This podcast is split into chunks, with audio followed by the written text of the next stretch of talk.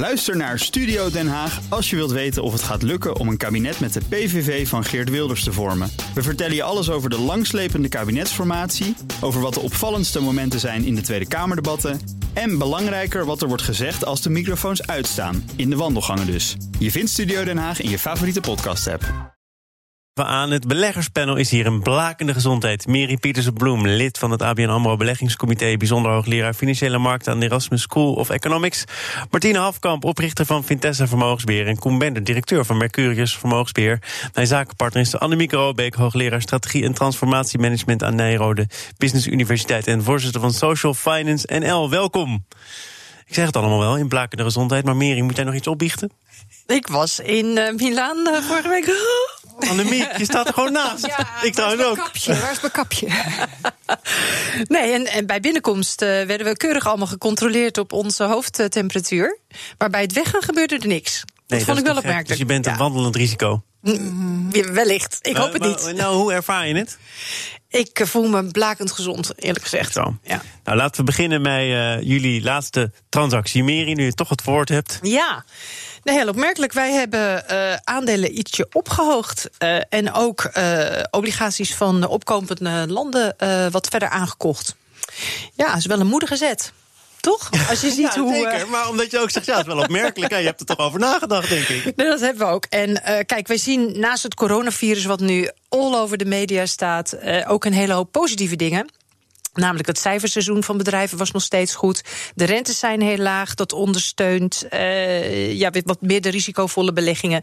En over het algemeen is het, is het klimaat natuurlijk gewoon eigenlijk best redelijk gunstig. De, de angst nu in de markt is in hoeverre dit coronavirus zich nog verder verspreidt en wat dat met de economie gaat doen. Uh, we hebben onze economische groeiverwachtingen wel ietsje naar beneden bijgesteld, maar zien vooral vooralsnog niet de rampen die de wellicht de financiële markten. Uh, eh, gisteren en vandaag. Maar je noemt het zelf wel een moedig besluit. Het is wel moedig natuurlijk om in, in dit soort markten bij te steken. Uh, dus, maar dat hebben wij wel gedaan. Vinden jullie het ook moedig? Nee, ik vind dat niet zo heel erg moedig. Oh, je hebt ook bij. Nou, je, Martine. Ik vind, nee, ik vind gewoon, uh, je moet uh, dit. Ik zie dit nog steeds wel als kans. Ik ben het helemaal met je eens uh, dat je verder, als je verder wat verder kijkt, dat er nog genoeg is wat hartstikke goed gaat in de wereld. Of in ieder geval prima. En wat je dan gisteren ook ziet, zo'n. Ja, dat is een beetje een overdreven reactie. Dat zie je natuurlijk altijd vaak. Er gaat eerst gehandeld worden en vervolgens pas nagedacht. En inderdaad, je weet heel veel dingen nog niet. Heel veel dingen zijn nog onzeker. Maar ja, bedoel, je kan wel. Uh, dat is het hele leven als je het dan zo bekijkt. Dus je moet ook wat zo, verder. We zijn begonnen, dames en heren. Nou, maar je moet gewoon wat verder kijken. En je zit niet in indices belegd, maar je zit in bedrijven belegd. Nou ja, bedoel, als, je, als het met die bedrijven nog prima gaat, kijk, nou, dat gaan we de komende tijd natuurlijk zien. In hoeverre ze voor hun vooruitzichten aanpassen. En uh, of ze al snel zien dat het weer een beetje gaat aantrekken, de omzet. Of als ze pro, uh, problemen krijgen. Het enige wat ik gedaan heb de afgelopen tijd is een heel, uh, zeg maar, een belang een beetje afgeroomd. Omdat het te hard in koers was opgelopen. En dat was van NXP. Nou, verder niks, heb ik niks spannends gedaan. Ik zit er nog steeds in. Maar dat, dat was het. Oké, okay, nou ja, ik wilde je net de beurt geven, maar misschien moeten we het dan hierbij laten, hè, als het ja. zo bescheiden is in omvang. Ja, nee, ik bedoel, ik heb het gewoon allemaal rustig aanschouwd. Uh, bedoel, de beurzen waren heel hard opgelopen. Nou, er is nu een heel klein beetje vanaf, ja. Koen, Punt. nog even het uh, antwoord op mijn vraag. Is het een moedig besluit van Meri of niet? Nou, ik vond het heel frappant. Want op de, de dag dat jullie dat uh, aankondigden... ik las het in Fondsnieuws... dat jullie uh, je weging in aandelen hadden opgehoogd. Mm. En precies op die dag het team van Bob Homan... juist een verlaging van de weging in aandelen. En toen dacht ik van ja, zie je... zonder verschillende meningen staat de handel altijd stil. Soms is het goed om in het kamp van Martine te zitten... en weinig, weinig te doen. We wachten het rustig af. Ja, Bob Homan is van ING, toch? Ja, ja. dus ING heeft uh, precies op de, ja, dezelfde dag was het dat jullie ja, met dat, dat bericht naar buiten toe kwamen. Dat hebben jullie ook gezien. Ja. Dat zagen wij natuurlijk ook. alleen wij kwamen van een neutrale weging in de portefeuille en hebben hem ietsje omhoog gezet. Dus we zijn maar drie procentjes overwogen gegaan.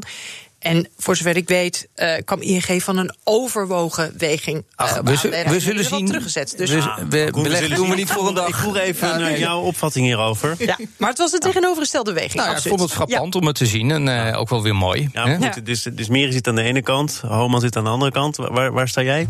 Nou ja, wat ik net zeg, wij zitten eigenlijk vrij constant met onze weging. Hebben ook niet zo heel veel mutaties in de portefeuille gehad. We hebben een wat grotere reshuffle in december gedaan. Dus leek het me nu ook leuker om gewoon even een aandeel eruit te pikken dat we, dat we in portefeuille hebben. En Doet dat gewoon, hè? in dit geval Icon. En dat is, een, dat is een Iers bedrijf, opgericht in 1990. Een vrij actueel, we hebben er maar een hele kleine weging in. Maar wat zij doen is zij helpen bedrijven, farmaceuten, om hun producten sneller naar de beurs toe te brengen. Dus door dat hele clinical trial heen, het testen, de vergunningen aan te vragen, maar ook adviezen. Uh, uh, nou, een hele mooie groeisector. het is toch wel een hele lange weg. Kan je daar zo ja, maar dat een is beetje, op het moment kan het heel kort. Hè? Je ziet van alles wat gewoon door drie fases tegelijk heen kan in, op zoek naar een medicijn tegen coronavirus. Ja, ja, ja. Onder, onder druk wordt alles vloeibaar. Ja. Uh, en uh, zo was er vanmorgen een bedrijf dat aangekondigd had dat ze uh, mee mogen gaan testen, een biotechbedrijf in, in, in de VS. Maar goed, wat zij doen is zij helpen biotechbedrijven om heel snel hun producten, maar ook medische toepassingen te testen en goedkeuring daarvoor te krijgen. Adviseren overheden. Nou, dat is natuurlijk een geweldige groeimarkt, weinig kapitaalintensief, maakt een, een marge van ongeveer 15 procent. Hoeveel tijd winnen die bedrijven daar dan mee? Want het kan echt jaren duren, toch? Nou ja, ja dat, dat uh, verschilt een beetje per, per medicijn. Wat wel zo is, is dat zij van de 20 best verkopende medicijnen er 18 begeleid hebben naar de markt. Dus dat is wel een redelijk indrukwekkende track record die ze hebben. Icon, uh, ICLR Ja. voor de degene die het tikkersymbool willen. Oh, maar dat geeft het denk ik ook wel aan. Hè? Uh, wat je ook al eerder in deze uitzending zei. Uh, dat er nog steeds heel veel parels zijn. Maar dan moet je wel op bedrijfsniveau kijken. En dat is ook wat Martine net zei. Terwijl als je kijkt uh, naar, de, naar de grote fondsen. En dan doe ik toch maar even mijn PGGM-pet op. dan zie je dat dat allemaal best wel grote impact heeft.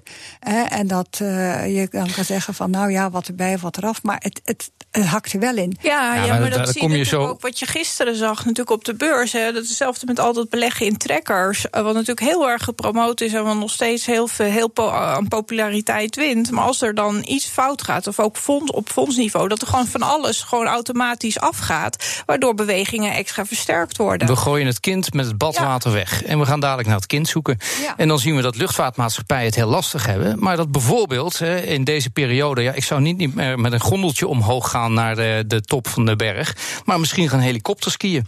En eh, zo heeft NetJet eh, ook een gigantische sterke vraag op dit moment... naar private jet eh, vluchten en boekingen. Eh, juist omdat mensen niet meer met Ja, ja. public airlines willen vliegen. Zo zie je dat, eh, ja, dat gaat de wereldeconomie niet redden. Maar Nee, precies, want dat is natuurlijk wat er nu gebeurt. Kijk eens, er zijn een paar bedrijven die toch nog weten te profiteren van het leed dat nu over ons heen gekoppeld nee, wordt. Nou ja, zo leed is het ook nog niet. Je moet het ook allemaal een beetje in perspectief blijven zien. Ik bedoel, er wordt nu weg. Ik bedoel, het is nieuwsgading, eh vierde hoogtijden. En de, en de chocoladeletters vliegen je om de oren in die zin. Maar als je dan kijkt, ja, natuurlijk, ik bedoel, het gaat meer over eh, dat het natuurlijk dat de haarden niet gevonden worden. Dat Nee. is een beetje onzekerheid. Nee, en daar houden beleggers niet van. Nee, maar dat is niet anders dan anders. we hem ook pakken op eh, Air France KLM, en ik was tot vorig jaar commissaris bij KLM. Ik denk ook dat eh, je uit de berichtgeving heel goed haalt hoe de miljarden investeringen eh, in nieuwe vloot gewoon doorgaat. Eh, en ik denk ook dat je dat ook moet zien. Ja. Jawel, maar goed, het neemt niet weg dat als je eh, die vloot nu een tijd echt duidelijk minder hebt zien vliegen en de impact groot is op de bottomline, dat misschien op zo'n moment KLM Air France naar de kapitaalmarkt moet om toch weer even te gaan herfinancieren. En dat kan alleen maar op lange termijn, is dat misschien wel weer een hele mooie kans voor beleggers. Absoluut. Omdat er ook, als dit langer duurt, dan zul je misschien een U-recovery eh, krijgen, waar we, het, waar we het net al even over hadden in plaats van een V. Eh, dat weten we niet, dat ligt eraan hoe lang het duurt. En als het langer duurt, dan zullen bedrijven ook veel meer gaan nadenken over de manier waarop ze hun wereldwijde business hebben ingericht. En dat kan leiden tot nieuwe investeringen om niet meer fabrieken gecentreerd op één plek te hebben, maar toch meerdere productiefaciliteiten all over the world. Wat een klopt. investment opportunity is. Ja, en ik denk dat je ook een hele andere sectordifferentiatie krijgt. hè. We zagen natuurlijk toch in het Mhm. begin van het jaar een paar sectoren het heel goed doen. Ja. Eh, zoals eh, informatietechnologie, eh, ook nutsbedrijven bijvoorbeeld. Maar Mhm. nu krijg je een hele andere, denk ik, landschap met dit coronavirus. Hè. Zoals, je, zoals je al zei, transportbedrijven, bedrijven die heel erg in de wereldwijde aanvoerketen een sterke link hebben met China, worden harder geraakt. Maar andere type bedrijven kunnen juist wel weer meer floreren hierdoor. Dus ik denk dat je een hele andere sector performance krijgt. Ja, maar je kan ook zien natuurlijk, als je naar die techbedrijven kijkt, die hadden het ook echt heel goed gedaan. En als je dan geld van tafel gaat nemen, omdat je wat risico wil terugschroeven of een beetje wat langs de zijlijn wil gaan staan, zijn dat ook de usual suspects waar je het dan uit gaat halen. Mhm. Dus het is ja, ook dat weer, het is een beetje dubbel. Ik denk namelijk ook als je aan de andere kant kijkt, dat heel veel van die techbedrijven, denk ik dat het een zeer beperkt invloed uh, coronavirus daarop heeft. Want die, die hebben nou niet zozeer met die logistieke ketens en aanvoerroutes te maken. Wil je het natuurlijk wel dat bedrijven. Dat weet ik niet. Als je kijkt naar de toeleveranciers, uh, kijk eens wat er in je mobieltje zit. Nou, maar ik heb het niet per se over een mobieltje. Ik bedoel, er is nog meer op de wereld dan alleen een mobieltje. Apple, als je dat dan als voorbeeld neemt, die heeft ook alweer juist heel veel winkels zijn ze aan het openen. Maar die waarschuwen wel. Van... Natuurlijk, maar dat hebben ze al een paar weken geleden gedaan. En is ook zeer terecht. Maar daar zie je ook dus die complexe uh, productiestructuren. Doordat je, zo, omdat je alles overal vandaan moet halen, dat je daardoor ook heel kwetsbaar kan worden. Zeg maar, wat vroeger de kracht was, dan, kan je dat, nou, dan word je nu weer eens een keer met je verneus op de feiten gedrukt dat er nog meer in de wereld is. Meri, er is meer in de wereld. Zo ook, daar is hij dan, de omgekeerde rentecurve in de Verenigde Staten. Ja, dat gebeurde ook uh, de afgelopen twee dagen weer. Ja, voor de mensen die uh, voor het eerst luisteren naar het beleggerspanel, dit, dit is een belangrijk signaal. Of moet ik zeggen, dit was een belangrijk signaal? Het is een belangrijk signaal. En het is ook in 2019 een belangrijk signaal geweest. Wat een omgekeerde rentecurve betekent, is eigenlijk dat de lange termijn rente lager staat dan de korte termijn rente. Dus dan heb je een, een negatieve curve. Nou, en dat wordt door heel veel mensen gezien als een signaal voor een aankomende recessie. Er is ook wel veel onderzoek over gedaan. En daaruit blijkt dat in voorgaande periodes ongeveer 12 maanden na zo'n omgekeerde rentecurve een recessie intreedt. Nou, en de vraag is van Betekent dat inderdaad dat er een recessie aan zit te komen in Amerika? En daar gaat het over.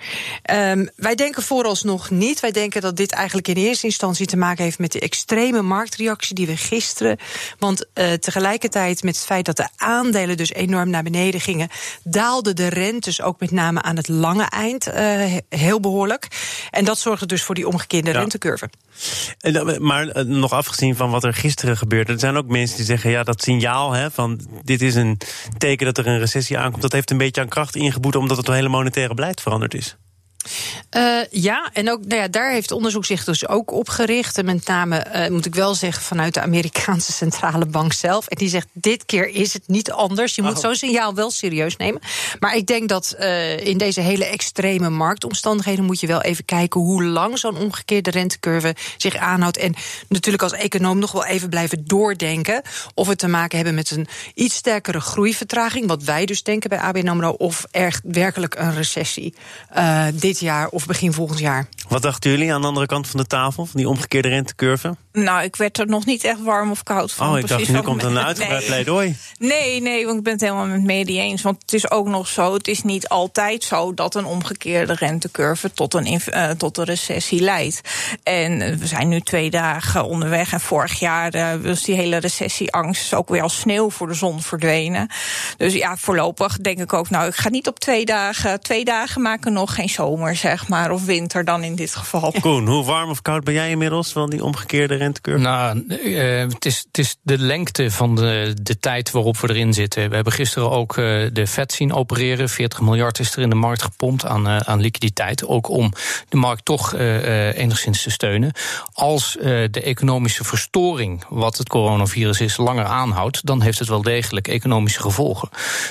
en dan kan het inderdaad leiden tot een, tot een recessie. Maar ja, ik denk dat we het gewoon dag bij dag moeten nemen. Kijken wat, wat het aantal nieuwe besmettingen zijn. In China lijkt het over het hoogtepunt heen, maar nu lijkt het hier naartoe te komen.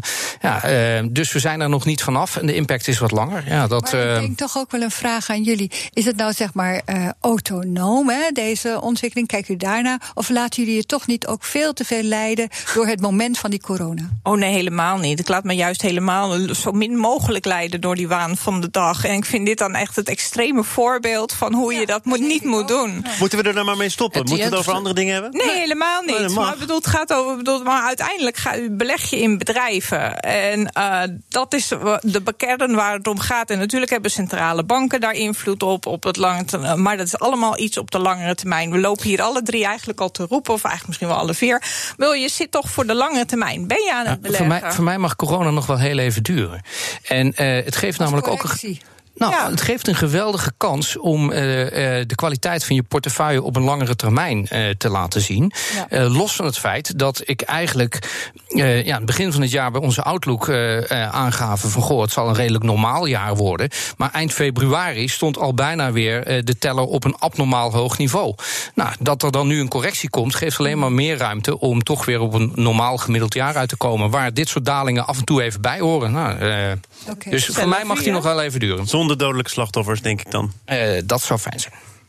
Zaken doen. Ja. Thomas van Zeil. Ik denk, zeg toch maar even, voordat je wat op je Ja. geweten hebt. Koen Bender, Martina Hafkamp, Mary Pieterse Bloem zijn hier als eh, leden van het beleggerspanel. Mijn zakenpartner is Annemieke Robeek. Laten we het ook nog hebben over PostNL. Boekte vorig jaar een winst van 4 miljoen. Had wel veel te maken ook met het eh, overnemen van postbedrijf Cent. Ehm, heeft PostNL een goed jaar gehad? Een minder goed jaar dan verwacht, Martine? Nou, volgens mij was het niet zo goed. Ik bedoel, ik zit niet dagelijks naar PostNL te kijken, want ik ben een internationale belegger. Het was meer dat iedereen dacht van vorig jaar een beetje, nou, ze hebben het nu helemaal op de rit en de vooruitzichten waren best gunstig en de pakketpost, daar moest het helemaal van komen. Nou, eh, en dan zie je toch dat daar ook gewoon hup, die marges onder druk staan. Eh, er moet dan oneven, er moet best een heel groot bedrag naar de pensioenpot, terwijl het pensioenfonds daar nog best een hoge eh, dekkingsgraad heeft. Eh, dus er zijn dan alle, allerlei windjes die tegenzitten, ook al zonder corona. Nou, dan zijn ze nu eindelijk van Italië af. Dat was natuurlijk een enorme bleeder. Dat hebben ze dan eindelijk voor 80% dat belang kunnen overdragen even, aan een Duitse hebben een- hadden een partij. Ze hadden een dochteronderneming. en hebben ze 80% nu van verkocht aan een Duitse partij. Is de tweede eh, postafhandelaar daar, pakketten.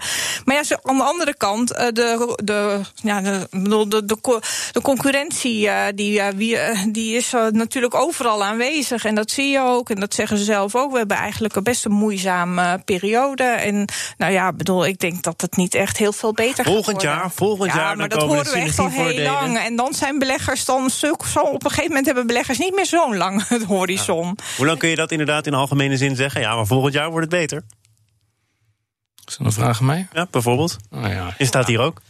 Ja, eh, voor de beleggers die dat eh, weer opnieuw een aanleiding vinden om toch te geloven in het aandeel, eh, zeker doen. Maar waarom? Ja, ik zie niet echt een noodzaak. Als belegger heb je heel veel keuze. En waarom zou je dan gaan voor een bedrijf dat elke keer weer moeite heeft om zijn belofte zwaar te maken, in een krimpende markt zit, daar moet vechten voor survival tegen flinterdunne marges? Ja, En sorry. dividend dat dan weer voorlopig va- van de baan is. Dus, Nou ja, dat soort dingen. Kijk, als je niet weet te herinvesteren. Je dividend. De, de, de, jaarlijkse brief van Buffett. eh, afgelopen weekend schreef- beschreef het weer zo mooi. Het, het, je moet. eh, leuk als je dividend uitkeert. maar een belangrijk deel van je winst moet je herinvesteren in je toekomstige groei. Dus ja, het is wel leuk, eh, dit PostNL. als ze maar toekomstige groei weten te vinden. En dat blijkt moeilijk. Eh, juist het, het, het pakkettendienst haalt niet de doelstellingen. Ja, mm, jammer. En ik denk ook het terugtrekken hè, van eh, toch naar de Benelux is eigenlijk ook een failliet van die internationaliseringsstrategie. Dat zagen we eigenlijk al heel erg lang. En het is gewoon geen spannend aan. Maar dan is het Nee. Ja, maar dat hoeft ook niet altijd. Hè. Waar ik me wel deze week over verbaasde is BAM. Die voor crying out loud in de Falkland-eilanden een haven gaat bouwen. Ik zie je, naast de je deur naar je hoofd, je begrijpt er echt helemaal niks van. Ik bedoel, eh, met moeite halen ze 2% op hun geïnvesteerde kapitaal. Dan ga je dit soort projecten aan. Aan letterlijk de andere kant van de wereld is er nog een verdere haven te bouwen dan de Maar ik Falklandeilanden. vind het moeilijk te vergelijken met PostNL, Ja. eerlijk gezegd. Nou, weet je wat ik zo jammer vind? Je zag het bij KPN en je ziet het bij PostNL ook weer. Eh, er, er komt een overnamebod. Dat wordt met hand en tand eh, wordt daar tegen te strijden getrokken. En de koersen van die aandelen van beide partijen zijn eigenlijk nooit meer in de buurt gekomen van eh, de, eh, de, eh, de biedingen Ja. die daar lagen. Ja, Ik heb hier de vergelijking voor je. Eh, Een pakketje versturen is in beide gevallen duurder dan het kopen van een aandeel. Zo. Ja. Oh. Volgende. Zo, zo. Miri, ik zag, jou ook een, ik zag jou ook een beetje fronsen bij PostNL. Ja, Het, nou, het dat- ligt het beste achter. Nou ja, wat mij bedrijf? opvalt was dat ze hebben natuurlijk heel erg ingezet op die, die eh, pakkettenservice.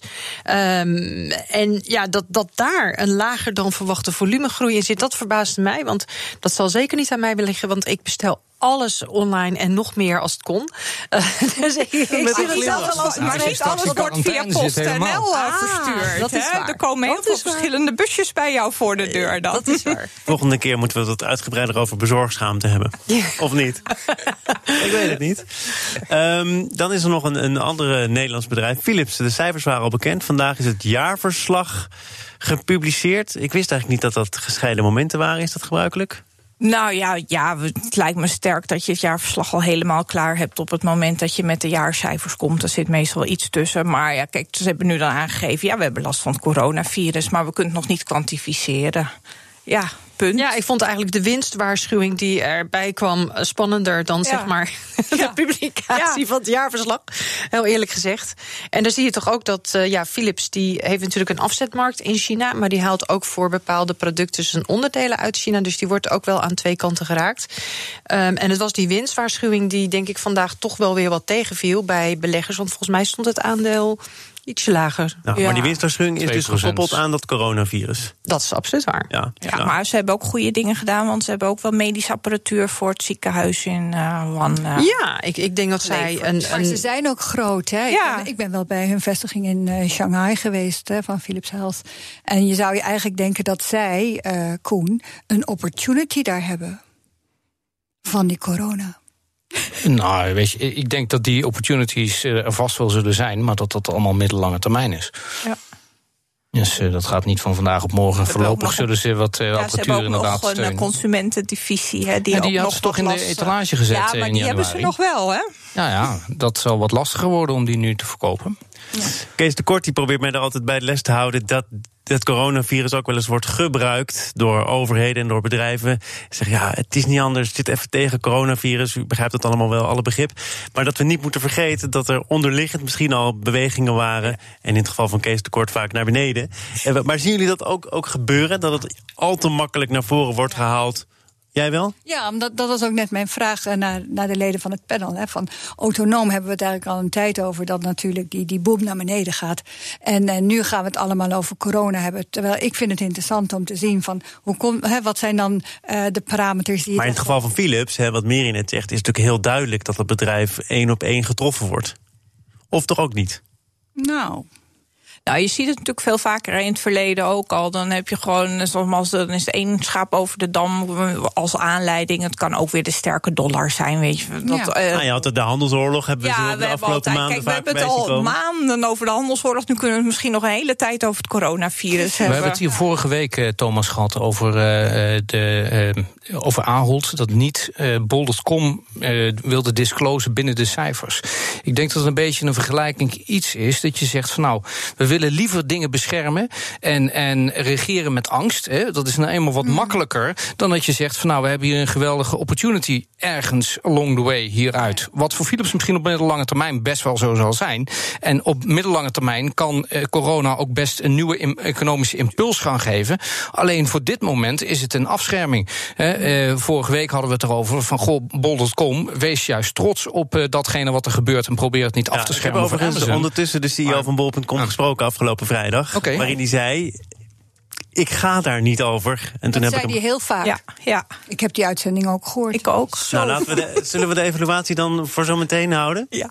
Ik ga jullie eerst eh, bedanken. Mary Pieterse-Bloem, lid van het ABN AMRO Beleggingscomité... en bijzonder hoogleraar Financiële Markten aan de Erasmus School of Economics. Martine Hafkamp van Vitesse Vermogensbeheer... en Koen Bender van Mercurius Vermogensbeheer.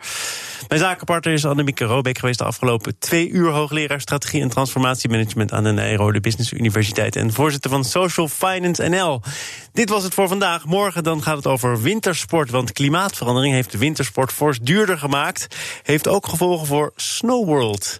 Morgen is de CEO Wim Hubrechtse te gast in dit programma. Zometeen eerst Nieuwsroom, dat is onze dagelijkse podcast van het FD en BNR. Veel plezier daarmee. Tot morgen. Ook Bas van Werven vind je in de BNR-app. Ja, je kunt live naar mij en Iwan luisteren tijdens de ochtendspits. Je krijgt een melding van Breaking News. En niet alleen onze podcast Ochtendnieuws, maar alle BNR-podcasts vind je in de app. Download nu de gratis BNR-app en blijf scherp.